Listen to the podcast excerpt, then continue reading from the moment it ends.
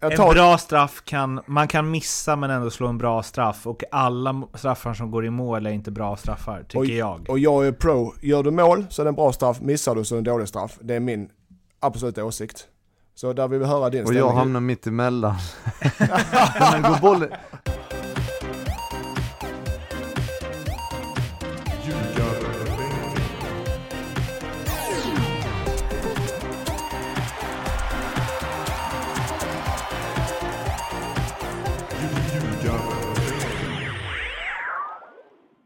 Ljugarbänken är och här igen. Det är eh, avsnitt 140 och nära mig, som heter Mårten Bergman, sitter Mattias Lindström. Oerhört nära. Det var länge sedan vi satt så här nära varandra.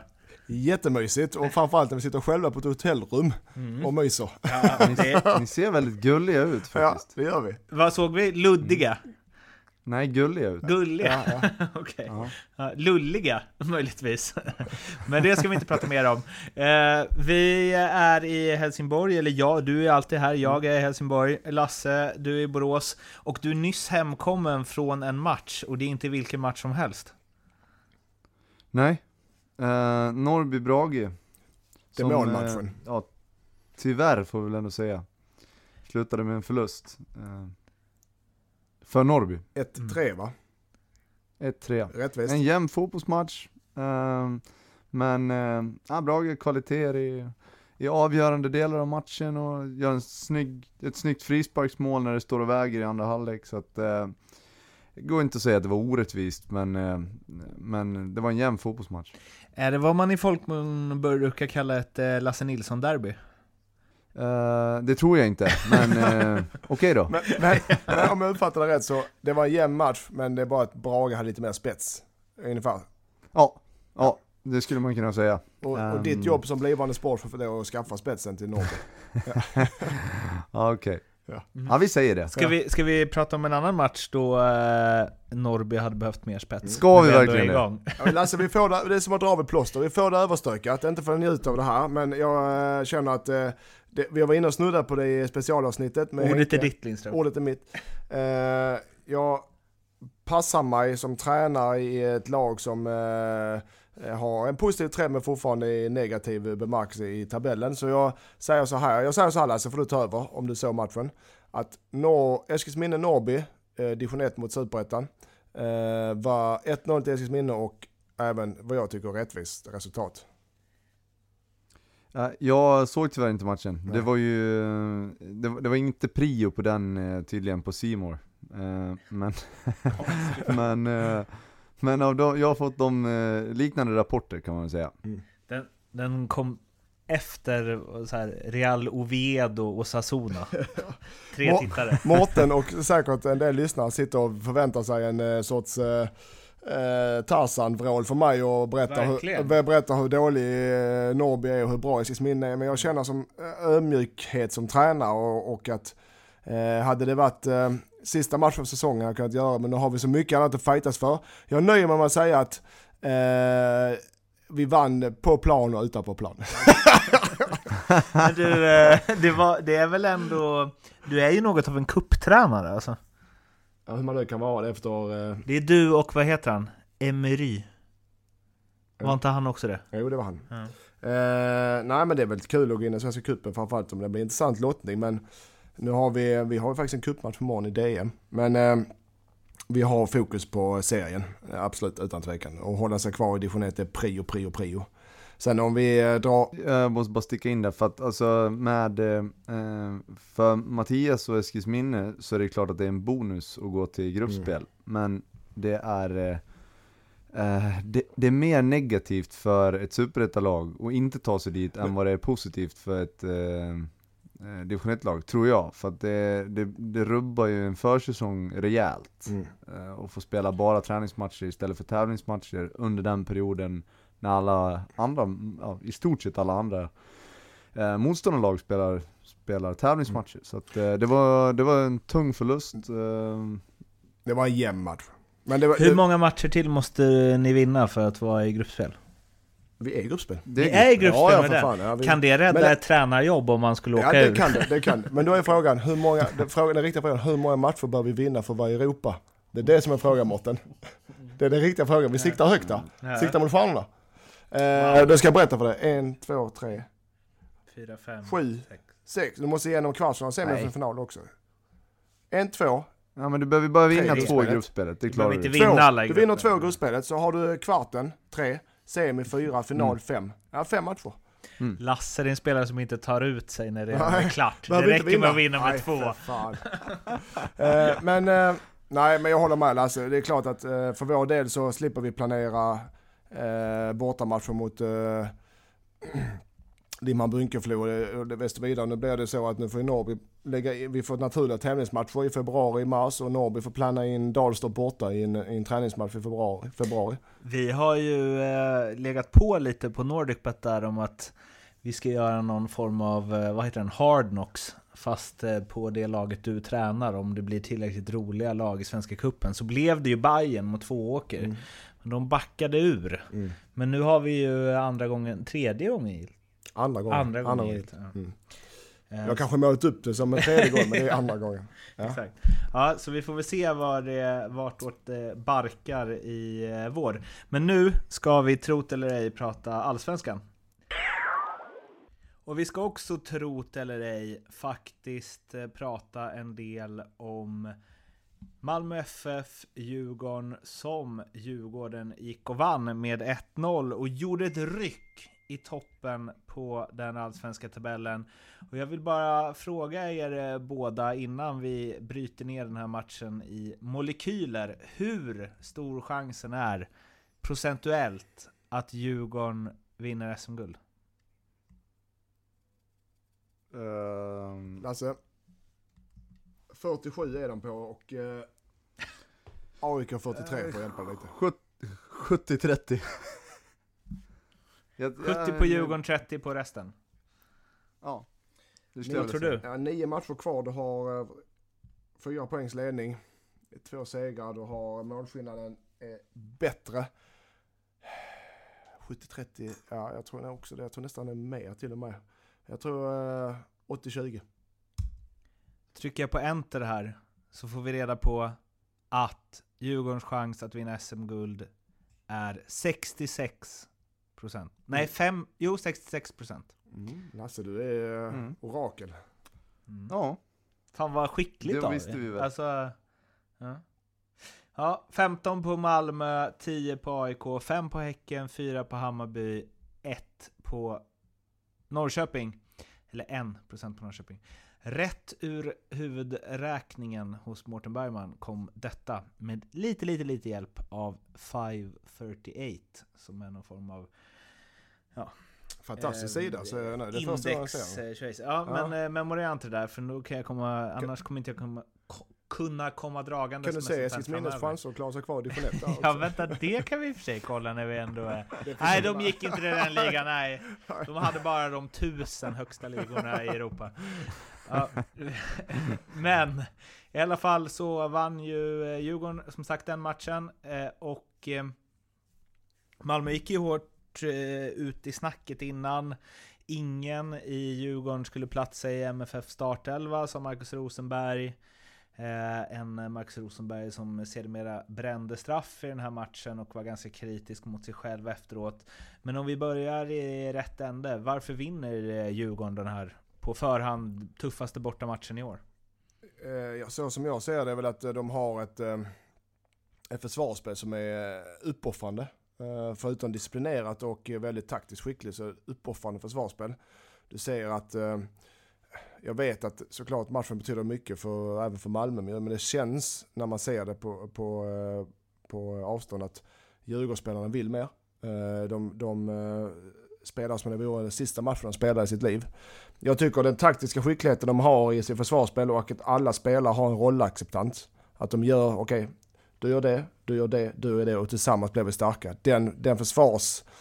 för Det har varit mycket positivt kring Djurgårdens anfallsspel men jag tycker att det försvarsspelet mot Malmö är yttersta toppklass alltså. Eh, Och det är det, Det var som verkligen skiljer. slående i andra halvlek hur, alltså det kan ju inte vara många lag som har kommit till Swedbank och eh, haft så lite boll i en halvlek och ändå inte åkt på speciellt många målchanser liksom. Det var, de stod ta fan rätt konstant i, i 45 minuter. Det var, ja det var som Mattias sa, det var bra försvarsspel och sen även Alltså ta vara på omställningsmöjligheterna och verkligen vara vassa när det, när det behövs. Liksom. Marcus Rosenberg sa ju efter matchen att bara han hade fem bra chanser och, borde, och att laget borde gjort minst tre mål. De tryckte ju på, för all del, MFF där i slutet i 0-1 underläge. Men alltså så överlägsna som de försökte få sig själva att låta. Jag såg Rössler också och det var någon mer Malmö-spelare som var ute och snackade om det. Det tyckte inte jag att de var. Man får inte luras av, där är också lätt att trilla in i bollinnehavet och eh, Malmö såklart, de, de pressar på i sista kvarten eh, med faktiskt enorm press mot mål. Men där har du Djurgården som ligger rätt, som Lasse sa, de, de, eh, de, de, de, de, de var följsamma i sitt pressspel och reda ut det med hjälp av varje mål som gör en kanonmatch. Malmö pressar på och kanske förtjänar ett mål, men jag tycker vinsten den är inte orättvis. Det var inte någon, det var inte någon klasskillnad på lagen, utan vinsten är rättvis så som jag ser det.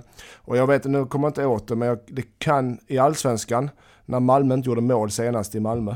Det, det, kan Nej, vi, det var inte, det var inte igår, igår Nej. fast det var det ju. Men det kan vi kolla snabbt. Men, men det var länge sedan. Ja. Men det är ju också så att alltså ett, ett lag som har bränt sex straffar i rad. Mm. Det är klart att det blir, det blir svårt att göra mål om du inte ens gör mål på straffarna. Liksom. Ja. Men nu är det klart att Malmö oftast gör mål, men i det här läget också, som de var, där, där, eh, där Djurgården i stort sett eh, är omöjliga att tränga igenom i försvarsspelet, så får man den här straffen, Christiansen gör det bra, sen är, ja, det är eh, det är ju en, eh, snacka om att söka en straff, sen, eh, sen är det nog straff ändå, jag är inte riktigt hundra, men, eh, men att man inte lyckas, och på så många försök som de har haft, det har ju helt, helt säkert gått griller i det där alltså. Men Marcus, ja, jag vet inte om det var andra eller tredje han brände, men normalt sett väldigt, väldigt säker straffskytt. Men det är klart att går du fram och, och känner viss oro och press när du ska skjuta en straff så blir det definitivt betydligt svårare att göra mål.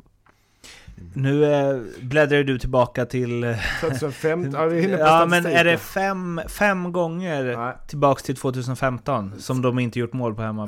Det är tre gånger från 2016. Mm. Det är Östersund hemma eh, 10 oktober, nej 22 oktober. Det är eh, AIK hemma eh, den eh, 2017, jag orkar inte säga. Och sen så är det Sundsvall hemma 2018. Så det är tre matcher på sen 2016 som de inte gjort mål på. Fyra nu. Fyra säger vi. Fyra nu ja. ja. Eh, straffmissarna om vi ska gå in eh, på dem. Om jag inte snett på det nu så har la Antonsson första, Målings andra, Mackan tredje, Antonsson fjärde, Målins femte och nu Mackan sjätte. Mm. Så de har snurrat på samma tre. Um, är det... Alltså, borde man inte involvera någon mer i det? Typ Rasmus Bengtsson, en bredsida. Mm. Nej, Tätt inte i stolpen. jag tycker inte det. Jag, nej, alltså de tre spelarna som du räknar upp där, det är ju, det är klassspelare som dessutom är målskyttar. Alltså de ska klara av göra mål på, ja, två av tre i alla fall. Liksom. Det är det minsta man kan kräva. Men här har du ett typexempel på mental, eh, hur mycket mentala aspekter spelar in i fotboll. Mm. Du har eh, Sveriges bland de särklass, eh, säkert bästa straffskyttar och det är lätt att säga nu, svårt att säga när de missar, men, och, och anfallsspelare, men missar sex straffar i rad. Gör det, och jag vet inte ens eh, om det ens ska kunna vara möjligt statistiskt. Nej, vi får ju ta det med Leo sen när vi ringer ja. Men och där har du mentala aspekter. Man såg ju på Rosenberg, han skulle lägga straffen och var fram och peta och, och pilla och hålla på. Man såg ju på Rosenberg, första gången jag sett honom riktigt att fan, det, här, det, här, det här tycker han är jobbigt. Och även på hemmaplan. Det, den känslan fick man även när man kollade genom rutan. Och det erkänner han ju faktiskt eh, efteråt också att eh, jag är inte mer än människa sa han. Det är klart jag var pressad. Inte superofta man har hört Marcus Rosenberg säga det de senaste fem åren. Att han är människa med Ja men alltså, är det någon Nej, som... men det, det var ju, det var befriande tänkte jag säga, men det var ju bra surr ändå liksom. Och, och det var inte att ursäkta sig, det var ju verkligen att, ah, fan jag känner mig pressad och jag, det är mitt ansvar att, att slå dit den här straffen, jag lyckades inte. Och känner även vara liksom stor i det och säga ja, jag får ta på mig det här, det är inte mer än så. Du, Lasse, vi hade en diskussion, för vi satt, jag och Mårten satt och käkade innan eh, inspelning. om, om, ja men det här är viktigt Ja, Mårten, okej. den här är viktig, om straffar. Eh, och vi har trovat upp den innan, om vad som är en bra straff och vad som är en dålig straff. Vi har väldigt distinkta åsikter. Mårten är för att... En bra straff kan, man kan missa men ändå slå en bra straff och alla straffar som går i mål är inte bra straffar, tycker Oj. jag. och jag är pro, gör du mål så är det en bra straff, missar du så är det en dålig straff. Det är min absoluta åsikt. Så där vill vi höra din Och jag ställning. hamnar mitt emellan. Men går bollen... går, går, bollen i, går bollen i mål så är det en bra straff. Du skjuter en hård straff, den tar i ribba, stolpe, mållinje ut. Då menar Mårten på att det är en bra Mm. straff. Eh, Nej, och det är det däremot, nej det är det inte. Och jag kan mena på att du skjuter, du halkar med en ansats men du lyckas få in bollen på något sätt, den rullar in. Mål som mål tänker jag. Ja, det håller jag he- helt med om. Alltså du kan slå världens sämsta straff, går den i mål så är den inte, den är inte dålig. Men då är det en bra straff Det är en bra straff. Ja, men, ja, men, då är du Men- på min sida. Det finns ju också situationer där du kanske, alltså du, du siktar på en maska liksom och träffar den. Och så har målvakten gått extremt tidigt och lyckats peta ett finger och, och få den i stolpen eller utanför liksom. Då, då kan det ju vara en, ja det var en ganska bra straff, men det var en jävligt bra räddning. Kosticas straff för AFC. Såg du den? Ja men den tycker jag inte är bra för den tar ju ribban, alltså du får ju träffa mål då till att börja med. Sen om Bra, målvakten Lasse. gör en Men fenomenal ribban räddning, är väl en då- del av målet? Eller? Men det är det väl en inte? låtsasdel. Ja men det, det, kan man ju inte säga att det är. Zidans i VM-finalen mot Italien. Om den hade studsat på mållinjen och upp i ribban igen och ut, det är en dålig straff nu. Och nu studsar Ja. den liksom 5 cm Ja, innanför och då är det en bra straff. Ja. Eller-. Så små är ju marginalerna. Det är ju, så enkelt Ja. är det ju bara. Ja. Alltså, du kan ju aldrig slå en boll i ribban och säga ja, men det var en bra straff. Nej, alltså, bra, den, den, hade ju, den hade ju aldrig gått in. Däremot om du träffar målet och målvakten gör en suverän räddning så, ja men den var okej men målvakten gjorde det Det är bra. också en dålig straff. Gör du inte mål på en straff, nu vet jag inte procentsatsen, men gör du inte mål på en straff så är det dåligt utfört arbete. Och då, och då Ja, men det är väl typ var eh, lite drygt två av tre som går in, har jag för mig. ja. Va? Är det inte mer? Mm. Är du Nej. säker på det här eller det har, eh, höftar vi liksom från höften, är det, eh, från protesen nu eller? Jag är relativt säker, jag tror att typ 70% ungefär Mm. Jag har två grejer här. Marcus Rosenbergs straff är ju riktigt, riktigt dålig. Mm. Eller hur? För, vi gick, för om den inte gick i mål ja, vi är överens ja. För att den inte gick i mål. Nej men också dålig. för att den är riktigt... Du kan inte slå den längs marken. Nej, för det, Om då- du ska slå den Nej mitt för i då, målet. då gick den inte i mål, nej exakt. Mm. Men det är också en dålig straff ändå. Ja för att den inte gick i mål. Vi fortsätter. Ja men det är klart att man blir lite förvånad över att han väljer ju att skjutas i mitten för att han känner fan jag vet inte vad jag ska göra av den här riktigt. Så att nu drar jag den i mitten. Mm. Men han, han missar ju lite grann. Han vill ju slå den lite högre. För han, det är inte så att han tänker nu ska jag slå den lågt i, i, i mitten. Det, det gör man inte. De är ju dock jävligt snygga när de går in. Marcus Berg gjorde någon sån för massa år sedan när han sköt stenhårt längs, längs marken mitt i målet. Men Tommy Vaiho, måste jag bara säga, sa ju efteråt att han, eller om det var Kim Bergstrand. Nej, det var nog Tommy Vaiho som sa att så här, vi hade snackat om det innan, att han skulle skjuta i mitten. För det gör man typ om man har missat många straffar och blir nervös. Eh, Då är det men- väldigt märkligt att han kastar sig. Ja, exakt! Det är så jävla dumt. Det är liksom, ja, jag läste honom. Bara, nej, du, du kastade dig bara för långsamt. Så du hann inte lyfta på foten. Om, då har jag en fråga här, om, just för till eh, Mårten och även till Lasse. Om man lägger, Lasse, eftersom du är som målvakter. Om man lägger, om jag är som straffskytt, okej, Lasse Nilsson är med, eh, Lasse Nilsson, är målskytt, äh, straffskytt här.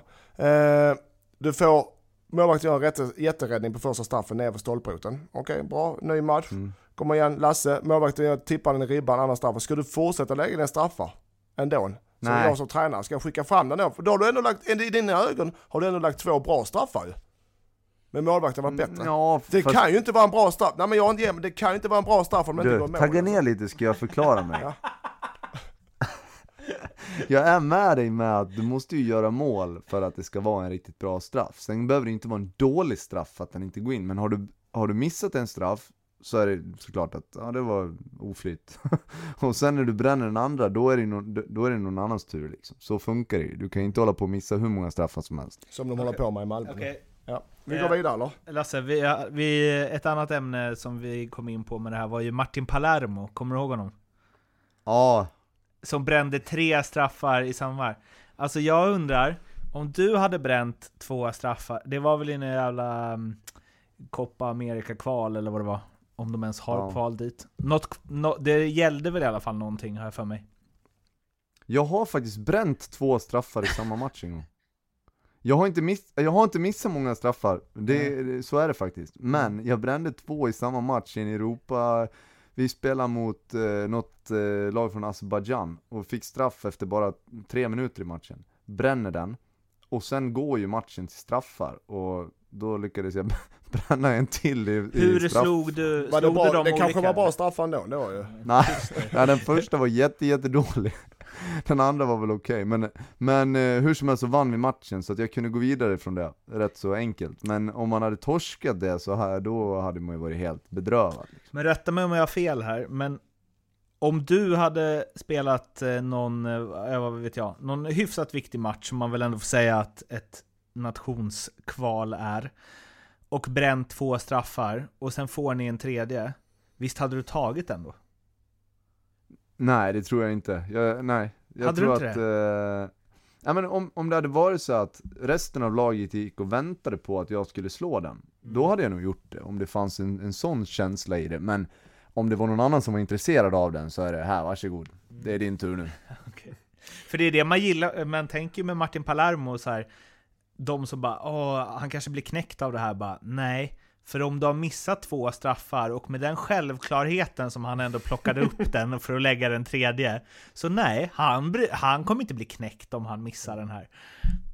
Han, då, Fast det är ju det han är i- ihågkommen för nu, för resten av, eh, okej kanske inte i Sydamerika, men för i fotbolls-Europa så är det ju bara det. Man, jag kommer inte ihåg något, något mål han har gjort, jag kommer bara ihåg det. Men och, som, som eh, tränare och som lag så har du oftast, om det blir straff så har du, eh, du har ett, ett eh, utlägg på vilka som har, har slår hörnor och liknande. Likaså med straffar. Så har du en straffskytt så har du oftast en till på papper. Eh, så det är inte ovanligt att man skiftar straffskytt under matcher. Kan man träna på straffar? Ja, Ja det kan du definitivt. Hopp. vi gjorde det idag. Mm. Vi har cupmatch imorgon. Eh, han gjorde ändå nio mål på 15 landskamper i Argentina. Det är bra. Mm. Han hade kunnat gjort 12. Ja, eh, om vi ska eh, gå tillbaka till eh, eh, den här matchen då, så efter spelet så sa ju Christiansen att grattis till guldet Djurgården. Varför- Jätteroligt. men också så här. Och sen fick han ju frågan så här, gör du det här för att sätta press på dem? Bara, nej, nej, nej. Jag hade älskat den pressen själv, bla bla bla. Det är väl enda anledningen, antar jag. Ja, det tror jag. Sen eh, så har han ju också rätt i att han hade ju hellre suttit där i, i, i Djurgårdens sits liksom med, med några poäng ner. Så att, eh, men det är klart att han gör det. Alltså, för, om det smyger sig in ett, en liten känsla av att fan vi, eh, vi har löst det här redan. Då kan ju det vara skillnaden att man tappar en poäng här och där. Ja. Så det är klart han gör det. Men jag är lite kluven där för att hur du ska agera som spelare efter en sådan match. Eller jag, jag vet vad jag har gjort. Istället för att säga att du grattis till guldet eh, Djurgården, nu är det klart. Eh, Så är jag lite mer för att sätta press på dem. Okej, ni vann matchen idag men vi kommer att jaga hela exakt. vägen in tills det... Det tills, hade jag tills, velat höra. Ja men, ja men alla är olika eller? Ja, men alltså, jag hade velat höra att han sa det. Ja, men alla är olika. Det, det hade jag också velat höra. Jag är inte just från Malmö. Men det är så, det är så tänker jag att okej, ni vann denna ronden men vi kommer fan med jaga tills ni inte orkar mer. Ungefär så eh, tänker jag. Men, och jag vet inte vilket som är rätt och fel. Ja, det är väl kanske, det är väl kanske risk att det finns supportrar som tänker, vad har, ger ni upp nu? Ja, det är lite så. Eh, så att den risken får han ju ta då, men... eh, Men jag förstår Men, vad han är ute efter. Det, det. Jag vet inte heller vad som är bäst. Det var väl, han var väl besviken efteråt och kände att det här var någonting som, som ja det var ju en missräkning såklart. De hade ju hoppats att till och med vinna den här matchen och ta in de här poängen som, eh, som var skillnaden. Och så blev det precis tvärtom och då vräker man kanske ur sig lite saker som inte är helt genomtänkta heller. Ja, det, det kan bara vara så enkelt att han bara, äh, han bara vräkte ur sig något. Som vi sa så är det ju alltså 66% chans var det va? Att Djurgården vinner det här guldet. En sak som den här predictable-sidan då inte räknar in är ju bland annat två derbyn som stundar. Och om vi bara ska ta det som ligger runt hörnet så är det alltså AIK-Djurgården på söndag. AIK ligger fyra poäng efter. Mm. Vilken jävla match. Mm. Och ska sägas att AIK har en match mot Celtic eh, på listan också. Eh, De och, slipper dock, de har ingen Akropolis. nej, de har inte den. Eh, och, sen, och sen vet alla efter det här så är det landslagsuppehåll. Eh, det kommer inte roteras eh, speciellt mycket i AIK. Det är helt ute. De kommer matcha dem eh, tills bristningsgränsen. Eh, och de vet vad det betyder. Det är samma vinna eller försvinna match för AIK. Eh, om guldet såklart. Och Djurgården det är samma. Eller Inte vinna eller försvinna, men Djurgården vet att eh, de kan spela kryss där. Men eh, de får inte förlora. Så den är, om Malmö-Djurgården var intressant så är AIK och Djurgården snäppet högre. Utan tvekan. Det är en... Eh, Ja, det är ju ett guldderby. Ja, det det det. bara radas upp matcher som är hyperintressanta nu. Det är, Ja, det- det är nu allsvenskan är som roligast. Ja. Och tänk som spelare, då, då tänker jag så här, för ibland saknar jag det, det är inte ofta men ibland saknar jag det som spelare. Och då tar jag AIK spelare som exempel för Djurgården. Här. Eh, vet, du har Celtic på hemmaplan, du vet vad som gäller, allt eller inget. Du har Djurgården, är det hemmaplan? Ja. På hemmaplan, du vet vad som gäller, allt eller inget. Alltså som spelare och även som tränare möjligtvis, allt eller inget i bägge matcherna. Då är det fan alltså den tändningen, den gnistan, den lagsammanhåll man kan hitta där. Den är inte lätt att hitta i många, i många matcher alltså. Det som är intressant här också är ju att nu har ju Hammarby i och för sig en ganska tuff bortamatch mot eh, Norrköping. Men om de nu skulle vinna den då? Eh, och sen säger vi att, eh, ja vad blir det? Kryss i det här. Nu segar internet här. Men sen är det inte Hammarby-AIK direkt efter landslagsuppehållet. Eller tänker jag fel? Oklart. Eh, Men jag har för mig att det är det. Och jag, ja, nej, Hammarby-Göteborg. Sen är det Hammarby-AIK. Hammarby alltså. Alltså grejen är att de, de här Djurgården, AIK Hammarby skulle ju om eh, liksom tre matcher kunna ligga inom typ en poäng. I toppen. Eller två poäng. Alltså om det slår rätt ut, om man vill ha spänning. Vilket ju... Jag skulle vilja vidhålla att det här är den bäst, kan bli den bästa avslutet på Allsvenskan på många, många år. Men det är just för att det är flera lag inblandade. Eh, Djurgården, AIK, Hammarby, Malmö, det är väl de. Jag tror inte Häcken håller, jag tror inte Göteborg håller, jag tror inte Norrköping håller. Och jag håller fortfarande Hammarby på eh, topp tre. Så det vill säga att AIK, Djurgården och Malmö kommer halka ner på fjärde plats. Ja, Malmö är ju där redan. Malmö är det, jo men när tabellen är slut. Mm. Ja, det finns... Eh, fan, jag vill att det ska vara söndag, känner jag. Eh, en sista grej från den här matchen då, är ju att eh, Björn Jonsson retweetade ju Erik Hadzic som hade samlat ihop eh, Malmös facit mot topplagen sedan Ove Rössler tog över i fjol. Och då kom vi fram till att man tagit 16 av 36 möjliga eh, poäng mot Häcken, Hammarby, Norrköping, Djurgården och AIK. Det är ju inte okej. Väl?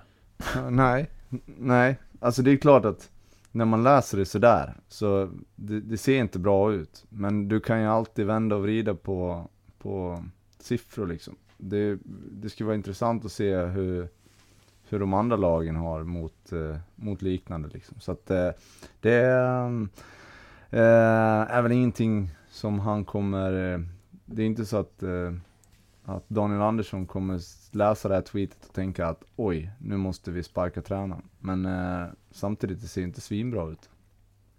Om MFF inte, nu blir det liksom snabba hopp här, men om MFF inte vinner guld, tränar Ove Rössle Malmö nästa år? Nej. Nej, det är han inte. Inte med, med, det laget och med det, ja, men med det laget och den pressen och den historiken Malmö har med just med tränare, även om de vinner eller inte vinner. Så eh, nej, det gör han inte. De ska vinna nej. guld med det laget och den truppen. Det är om de går till semi i Europa League. Då kanske. Ja, ja. Fast då... Den tiden, den sorgen. Nej, nej. Uh, det, det har jag förresten noterat att uh, MFF-supportrar på Twitter har redan räknat in Europa Leagues gruppspel. Alltså de skriver liksom ja, på ett 3 sätt som 3-0 i första. Mm. Mm. Kan bli 3-0 farligt. Ja, farligt. farligt. Mm. Tre, de säger 3-0 är den farligaste ledningen. Ja, verkligen. 3-0 och börja i powerplay. Det är det farligaste man kan göra. Lasse bara skakar på huvudet.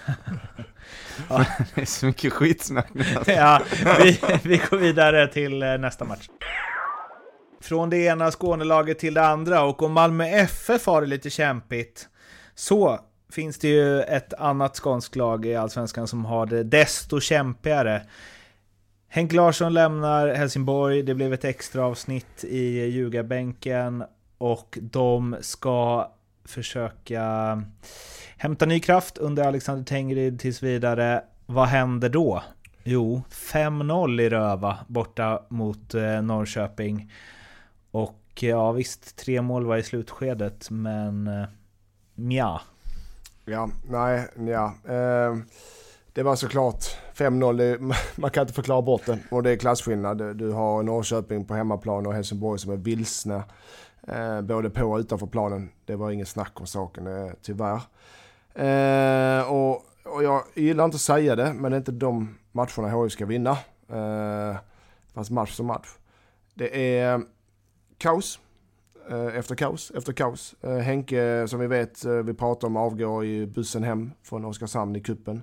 Tengryd tar över ihop med Sven och Jens, tränarteam och Tengryd går ut någon dag och säger att han inte vill vara huvudtränare.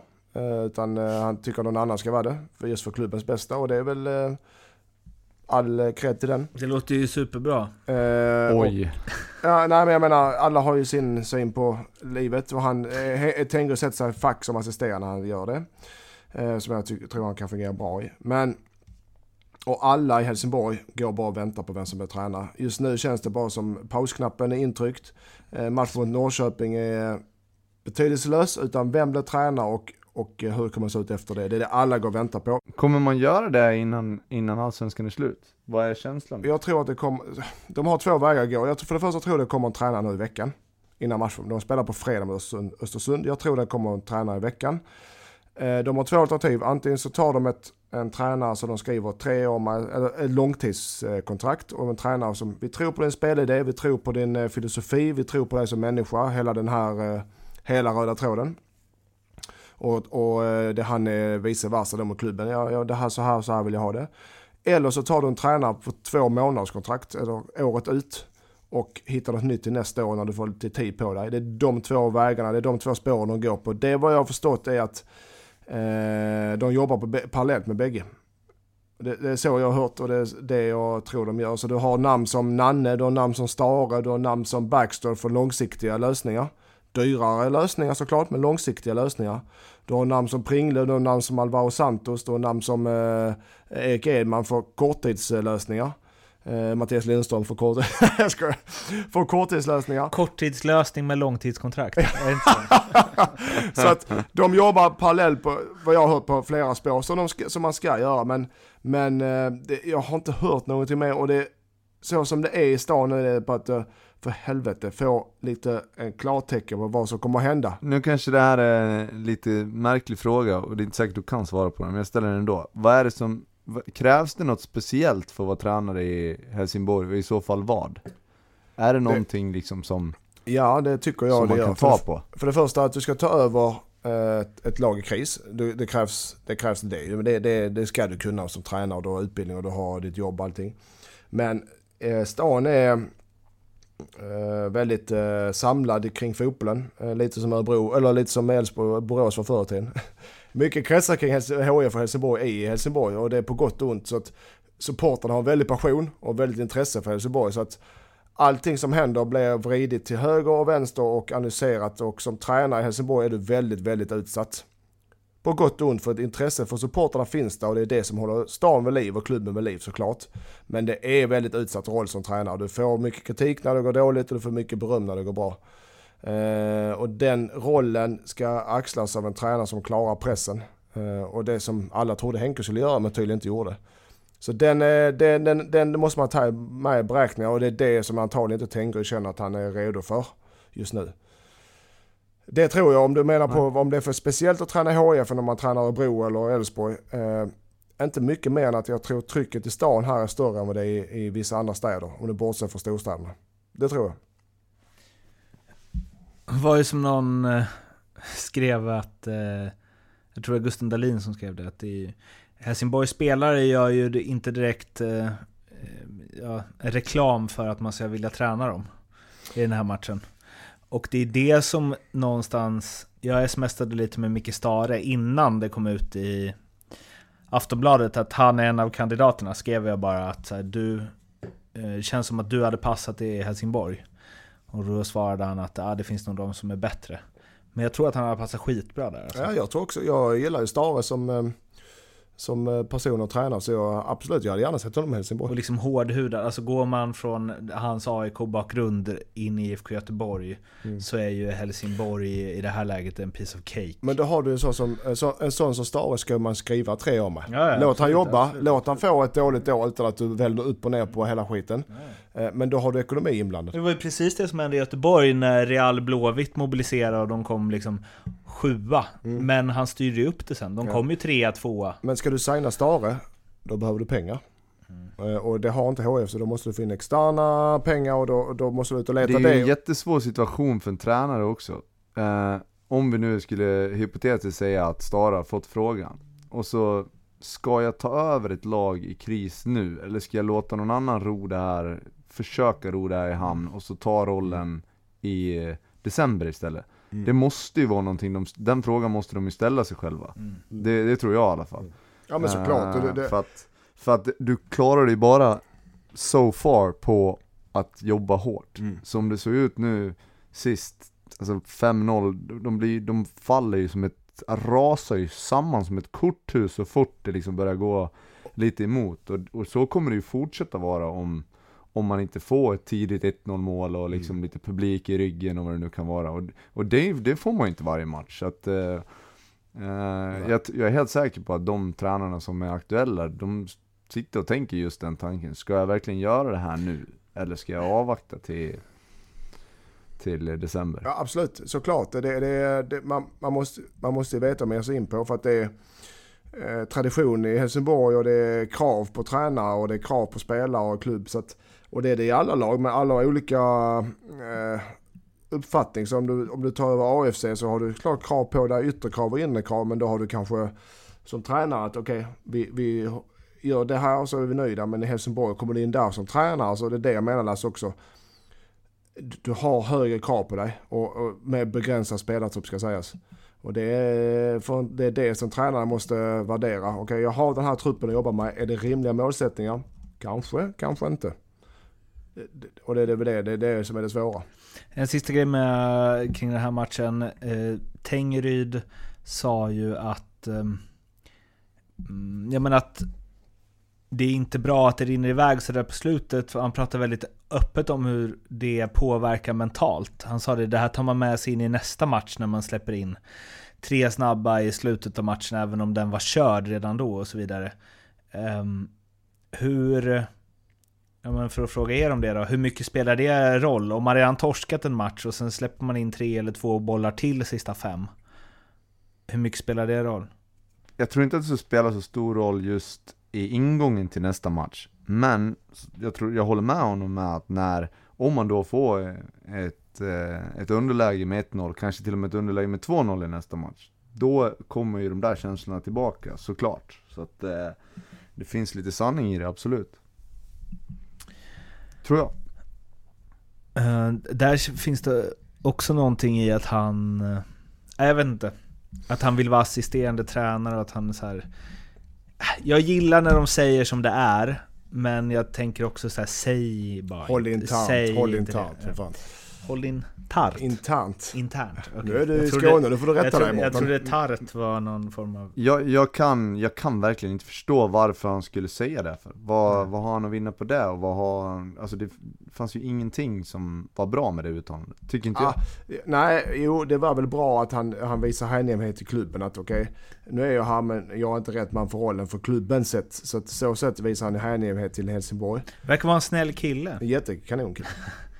Det är som... eh, Jo men säg, säg då, nu är jag tillfälligt anställd, jag ska ta, tackla den här rollen på, på bästa sätt eh, och sen kommer det någon som, som är ännu mer kvalificerad än mig eller någonting. Men att säga att, nej jag vill inte vara huvudtränare, det blir inget bra liksom.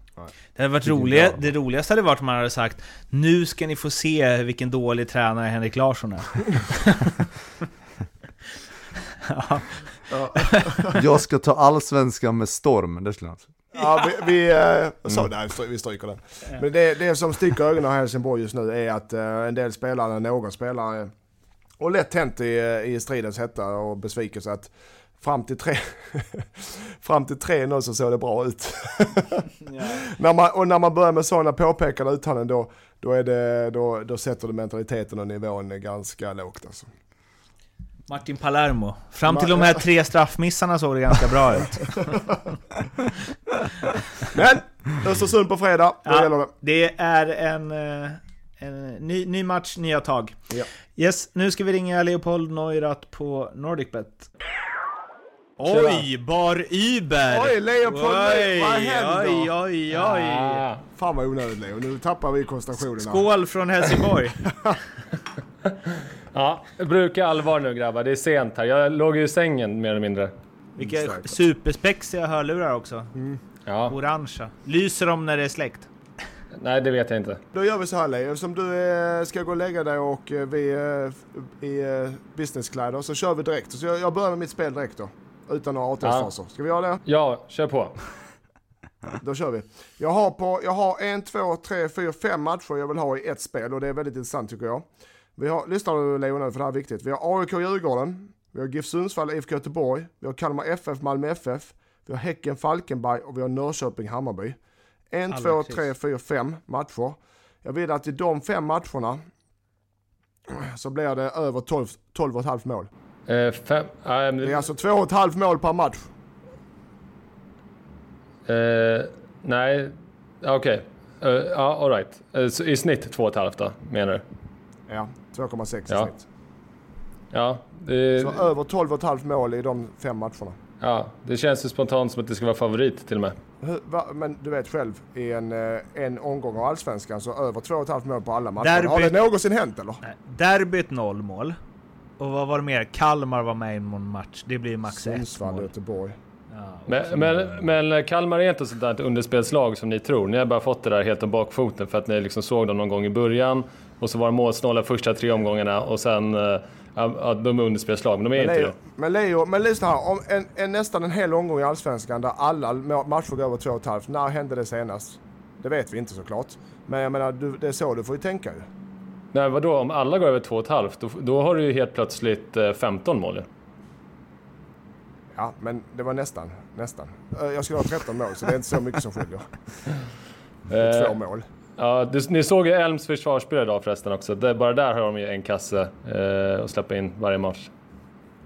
Ja, men om vi gör så här Leo, för nu har vi tid här. AIK Djurgården, vad blir den? Eh, 1-1. Det blir 0-0. 0-0. Vad blir Sundsvall Göteborg? 0-1. Vad blir Kalmar FF? det kan bli 4-4 också. Vad blir Kalmar FF Malmö FF? 0-1. Vad blir Häcken Falkenberg? 2-0. Vad blir Norrköping Hammarby? 7-7.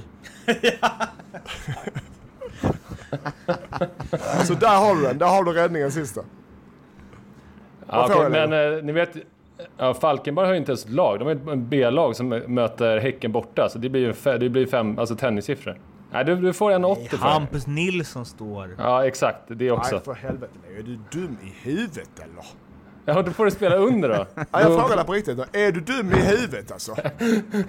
Du kan inte ge mig en 80 på den. Det är för fan en fem matcher jag är inblandad här ju. Ja, du får ta under då till, eh, till två gånger Ja, men jag gör så här istället då. Jag gör så här. Eh, Jag gör så här. Norrköping, Hammarby över 2,5 mål. Vi tar en match. Norrköping, Hammarby över 2,5 mål. Vad får jag för den? 1,80. Bra, då tar vi den istället för att ta fem matcher. Han, har- han Det har var en poäng. det sjukaste jag har hört alltså. Ja, okej. eh, Men du vet ju... Ja, det var det alltså, det- sjukaste, det var det sjukaste jag någonsin hört någon människa sätta. Men Lindström, du har ingen aning om... Alltså, du har en ekorrhjärna. Du har ingen aning om hur man räknar ut sånt här. Nej, det har jag tydligen inte, men det var ändå det, det var... Nej, det kan jag inte ha eftersom jag tyckte det var det sjukaste jag hört. Det, kan, det, det är fem matcher inblandade och det ska bli, tre, över, det ska bli 13 mål i dem.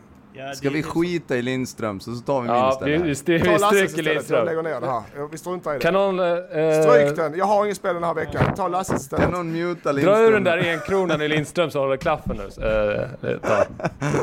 Mårten, dra ur enkronan ur den där ryggen, du vet. Ja, ja, ja. Jag vill ha Elfsborg Sirius etta och över 3,5 mål i matchen. Ja, va- vad vill du ha för odds? Och Häcken Falkenberg etta över 3,5 mål i matchen. Ja, jag fattar. Ja, bra. Bra spel. En bra spel alltså. Vad vill du ha för odds? Eh. Men det jag tycker på något sätt att det är ditt jobb. Och så du sätter en rimlig och så säger jag lite över och så säger du okej. Ja, men du får vad du vill. Det är det, det är det jag tänker här. Ja men då vill jag ha... Ja men... Nio gånger pengarna. Ja, du får nio gånger pengarna på det. Ah, vad är det som... Okej, vi gör så här Leo. Jag får lite dåligt samvete nu för jag kan inte vara dum i huvudet. Jag får dåligt samvete nu. Vi gör så här. Jag, jag reviderar mitt spel lite. Okej? Vi gör så här. Nej, Lindström. Du får inget spel. Jag har inte tid med det här. Jag ska kolla på Chernobyl eller vad den heter, den här tv-serien nu. Så jag måste gå och lägga mig. Ja, Norrköping, Hammarby. med stacka Bo. Norrköping, Hammarby. Att vinna efter underläge. Nej, jag orkar inte med det här. Det, eh, jag måste Nej, gå och lägga jag- mig får jag- och så får vi höras Men vänta, jag har en också. Nej men jag har en, jag har en Ja, också. ha det ha det bra. Jag har Tja, också, tja, nej tja. nej Ja, nej. eller Mårten har en. Det är så roligt att han sket i dig. I fan. Åh, jag hade en skitbra. Ja, den får vi ta någon annan gång. Det var alltså Leopold Neurath från Nordic Bet som ville gå och lägga sig. Och vi ska istället, vi kommer inte snacka om alla matcher den här gången för det blir så himla långt då, utan vi pratar om det vi tycker är mest intressant. Det har skett två hattrick i den här omgången. Carlos Strandberg gjorde tre när Örebro vann med 4-3 borta mot Sirius efter att ha lett med 4-0. Och Eh, Robin Söder såg jag och eh, Mattias nyss på Leris då han stänkte dit tre mot eh, Kalmar. Om vi börjar med Carlos Strandberg. Man eh, blir ju inte klok på den mannen. Vilken jävla striker när han vill. Alltså nu har han ju haft några, några matcher här där han är precis det monster man vill att han ska vara. Och så bra kan han ju vara hela tiden. Så att man blir inte klok på varför han inte gör det lite oftare. Eh, men jag tror också att det var sista matchen. Eh, jag tror inte han gör så många mer, ja kanske inte riktigt sista, men jag tror att han... eh, vad är det för datum? Det var en match till innan, en match till innan landslagsuppehållet. Ja. Ja, jag tror att han eh, rör på sig. Mm. Jag tror, eh, jag har ganska, Mm. ganska säkra källor tänkte jag säga. Nej men jag tror att det blir en flytt för Carlos Strandberg. Till Saudiarabien. Skulle inte Eller? förvåna mig Det är fortfarande Malmö spelar, eller? Mm. Nej. Och där vill jag bara eh, landa lite. Om han nu, han har gjort 11 mål, näst flest tillsammans med Jordan Larsson i Allsvenskan. Det är bara Mujo Tankovic som gjort fler på 12. Malmö FF enligt Expressens uppgifter har alltså möjlighet att låna ut honom till ett lag som jag glömt vad de heter från Saudiarabien för 4 miljoner för resten av säsongen. Då vet de, vadå, lirar de höst? Eller vadå, det måste vara resten av året då, antar jag. I sådana fall är det jävligt bra pröjs. Ja, för, Eh, men eh, de har ju pengar där borta. 12 miljoner mm, i en utköpsklausul efter det. Det skulle bli 16 totalt då, om de väljer att köpa honom. Det känns som att Malmö har lagt en del pengar på att få in Carlos Strandberg. Och jag tänker lite så här om han fortsätter, om han liksom trycker in två hattrick till innan säsongen är över i Allsvenskan, då känns 16 miljoner rätt lite om köparen är från Saudiarabien. Eh, jag håller med dig lite där för att går du till Saudi eh, i Carlos ålder så då väljer du, då tar du ditt val även om det är för ett halvår så. Eh, och han har ju, det är ett rå, fortfarande ett råämne som är makalöst och jag vet att i, i, eh, i, i Örebro så får han ganska fria tyglar. Du har väldigt strikt eh, taktisk organisation men Carlos Strandberg får fria tyglar eftersom han är just Carlos Strandberg. Och det är det som är spännande om han, jag tror, jag tror inte som Lasse, jag tror han kör året ut där. Jag tror inte, eh, jag tror själv han känner att jag inte, jag, pengar pengar men jag vill spela eh, på bättre nivå än eh, åka till Saudi. Så, så känner jag. Jag tror han kommer att spela Örebro resten av året och sen nästa år antingen tillbaka till Malmö eller eh, till någon större liga. Det är så jag, så jag tror och tänker. Så kommer han vinna skytteligan. Det tror inte jag. Jag tror han... Eh... Nej, vi hörde du sa det Lasse innan. Okej. Men jag tror också... ja, ni två idag alltså. Men eh, eh, i alla fall. så tror jag också att det sänder en eh, rätt tydlig signal från Malmö att man är ganska klar med med Carlos Strandberg liksom. Det, mm, man tror inte att man kommer få ut det han kan. För att då hade man inte, då hade man inte satt en, en utköpsklausul på 12 miljoner. Det är ju också... Alltså att skicka honom till Saudi, det är väl det, är väl det man gör när man är klar med någon? Är det inte det? Här har ni. Eh, jo, lite så. Långt jävla men, också, bort. men man ska också komma ihåg att det är inte alla fotbollsspelare som tänker att ah, nu ska jag bli landslagsstjärna och nu ska jag spela nej. si och så vid de länderna, utan vissa har andra prioriteringar och det, det jag respekterar det. Det är därför man skickar honom dit också. Här har ni! Betala honom svinmycket så han aldrig mer vill komma tillbaka. Ja, kanske. Ja. Och eh, ja, kör Carlos om du känner för det. Eh, jag hade fel. Robin Söder har ju också gjort 11 mål nu. Det är bara Soccerway som är lite sena på att uppdatera, så han ligger ju också på en delad andra plats i eh, skytteligan. Och där är vi ju någonstans i andra änden. Han är 28 bara. Mm. Han slog igenom redan när han var 17 och liksom spottade in mål i... Han gjorde väl mål i, vad var det? Europa League-kval och grejer. Gjorde mål mot Basel och hej och. Eh, vilket eh, ju... Eh, ja, jag tänkte att han skulle spela på topp med Zlatan i landslaget. Sen så kom ju den där knäskadan i U21-EM och sen dess har han ju egentligen... Ja, det har varit Esbjerg och Lockeren och hej och hå. Men nu bara Mm. är han helt grym. Och ena målet han gjorde idag var ju fantastiskt. Ja, uh, alltså att Robin Söder är en duktig fotbollsspelare, det, det visste vi. Men alltså ta sig igenom skador och, och motgångar, det var, ju, det var ju perfekt för honom visade det sig att komma hem till Göteborg och få lite lugn och ro och, och få bygga upp sig igen.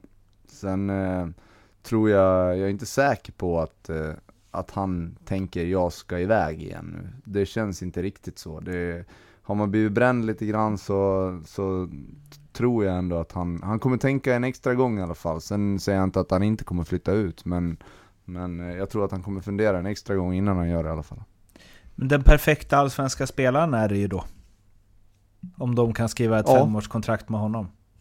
Ja, 28 år, perfekt ålder, eh, har rätt många bra år till i sig och, och dessutom, alltså den historien har i Göteborg och det är en Alltså det, det var ju fantastiska mål och han har gjort mål i varenda match det som. Det är, så fort det är målchans så, så är han där liksom. Och Han har alltså gjort en, två, tre, fyra, fem, det är sex... ovärderligt för ett lag att ha en spelare som är i sån målform som han är. För att han kommer rätt till precis varenda boll och dessutom då kliniska avslut. Han har alltså gjort nio mål de senaste sju matcherna. Mm. Mm. Den enda matchen han inte gjorde Snacka mål om i, det form. var, det var när IFK Göteborg inte gjorde mål. Mm. 0-0 mot Norrköping. Och, och idag hade han assist också när han inte gör mål. Mm. Så att eh, de senaste, jag tror jag läste, jag tror det var så, att senaste 11 matcherna har varit inblandad med assist eller mål i 10 av de Ja. matcherna. Och det ska Eh. också tilläggas att de matcher man såg på våren när han spelade, så var han otroligt nyttig. Det var inte så att han kanske, han var inte i samma målform och kanske inte riktigt var lika, alltså formmässigt fysiskt heller. Men jag tyckte han, jag tycker han har varit bra för Blåvitt eh, i, i många matcher som han inte har gjort mål i också. Alltså smart, duktig, duktig targetspelare har han blivit också. Han är duktig bollmottagare, håller i vid rätt tillfällen, låter, låter dem flytta upp och så och sen distribuera liksom en, en vettig boll, det blir inte det här svåra utan ner med bollen på marken, ut på en ytterback eller yttermittfältare, ny position i straffområdet. Han, ja, han har varit bra. Det har han. Nu är det en del matcher kvar, men förutom att konstatera att AIK räddade ut det borta mot Östersund och avgjorde i slutskedet med två riktiga pärlor av Rasmus Linkvist och Rashidi, varav Rashidis jävligt snygg. Eh, så eh, vann ju också Häcken borta mot Eskilstuna. Johan Hammar byttes upp, in, in, upp på topp och de gjorde också två mål i slutskedet. Först Hammar på pass från Paulinho och sen Paulinho själv. Eh, så Ja. ja. Vi kan väl konstatera, jag lyfter ett finger här så ja, det hör man så avbryter ja, ja. Jag vill inte vara oartig men vi kan väl konstatera som vi har gjort innan också att eh, skillnaden mellan toppen och botten i Allsvenskan och som blir tecken från år efter år efter år är enorm. Uh, och blir större för varje år. Du har toppen och du har botten, du har pengar, du har uh, intäkter, du har ungefär som uh, börjar gå i Premier League där du, där du har Liverpool, United, Arsenal, City, Tottenham. Så börjar det bli allsvenskan mer och mer också. Ni har missat något viktigt också. Elfsborg ja. vann också. Ja, men jag var ju på väg dit. Nej det var du inte, du tänkte skita ja, i det. Jag hörde dem spela bra Lasse. För vi såg inte den, den hade vi faktiskt inte ögonen på. Ja det hade vi på 3D-skärmen ju. Ja. Och de spelar bra hörde vi. Den som hängde bakom andra ja. skärmen. Ja, de vann med 2-1 borta mot Sundsvall. Sundsvall har alltså vunnit två matcher i år av 21. Cedergrens tiki-taka skördar inga större framgångar 2019. Men den vi ska dyka ner lite, lite, lite i nu innan vi är uppe på 60 minuter är ju Hammarby borta mot Falkenberg. En gräsmatch som Bayern fruktat. Dajan Bojanic gör två mål. Där man skulle kunna säga att Hampus Nilsson har assist på åtminstone ett av dem. Mm. Kanske till och med på båda. Ja. Ja. Ja, jag har ju varit på målvakterna lite grann, så att jag känner att jag hoppar den här Lindström. Nej, jag och jag... Och du känner honom, så du hoppar den också? Jag gillar ju Hampus. Nej, men jag, såklart att du har ett krav på dig som allsvensk målvakt och Hampus har det eh, tillsammans med Falkenberg har haft det tufft och gjort en del bra matcher och en del sämre matcher. Men som målvakt är du utsatt och när du gör misstag så syns det och, och hörs på ett helt annat sätt. Så jag de liksom var ju också schyssta och satte ihop en liksom compilation på alla hans missar som de visade i halvtid. Vilket ja. var sådär. Ouch. Ja. Men eh, så är det klart att Hampus... Fingertoppskänsla kallas det. Nej, nej, nej, Hampus och det är därför Falkenberg har ju bytt målvakt mellan Hampus och Brattberg för att, och Brattberg har också haft skiftande kvalitet, de hittar inte rätt där. Eh, och det är väl inte svårare än så att eh, de kan prestera bättre bägge två tycker jag. Inte jättelätt heller att vakta målet i Falkenberg ska väl tilläggas då, då.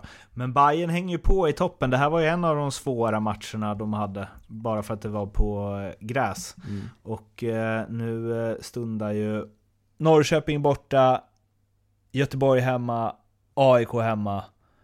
Eh, så de har ju en av de här på förhand tuffa matcherna ändå som de eh, rodde i land. Eller tuff och tuff. Men de har ju haft problem på gräs.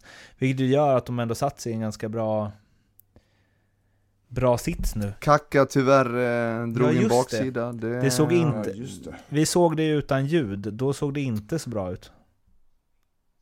Nej, men det känns som att det där är, och jag har tänkt på det många gånger under min karriär, och även spelare man har spelat med. Det är när du är i absolut toppform och känner att allting stämmer. Det är precis då de här muskelskadorna kommer. För att du pushar kroppen precis på max. Och tyvärr då, för honom och för många andra också, så blir det liksom lite, lite för mycket. Men jag, jag såg ju, och, jag tyck, och det var, de kallade in domaren, eller eh, fysio direkt och han eh, linkade ut. Jag tyckte ändå se lite positivt. Han spelar inte vidare så jag, jag tror inte väldigt lekmansaktigt här. Jag tror inte det är allvarligt. Jag tror inte han spelar till helgen, men jag tror inte det är en fyra, fem veckors. Det tror jag inte. Jag tror det är han spelar näst, han spelar, han spelar mot Göteborg hemma, det tror jag. Om två veckor. Alltså, om det är en liten bristning i baksida lår så... Det är landslagsuppehåll, så, ja, så, det kommer lämpligt. Det ja. kommer lämpligt, landslagsuppehållet. Ja. På det sättet var det ju bra. Mm. Det är bara det, jag sa ju det när det hände också, att när han direkt vinkar själv ja, på jo, båren. Det, då... det, är en baksida, men jag tror inte det är en superstor bristning. Jag tror det är en minibristning. Två, tre veckor. Eh, är min gissning. Dr Lindström ja, men det är min gissning. in. Vi får väl se. Får se om ni har något bett på det. Fan att vi inte hann ta straffgrejen med. Leo. Han var grinig för att du Ja, kallar honom dum ja, i huvudet. eh. Ja, Ja. det är ju en helt sjuk reaktion på det. Ja, i alla fall så ska vi Du är ta, dum i huvudet. Okej, ja men ska vi prata mer? Nej, Nej, okej. Vi eh, rundar av nu och ber eh, er att om ni vill ha kontakt med oss så finns vi på Instagram, Twitter, Facebook, det vet ni. Prenumerera, prenumerera gärna, det är en bra grej, då blir vi glada. Acast, iTunes och sen så hörs vi nästa vecka efter Uff, Superderby och Celtic och eh, hej och hå, allt vad det är. Tills dess, må gott, hej svej! Hej då. Ha det bra.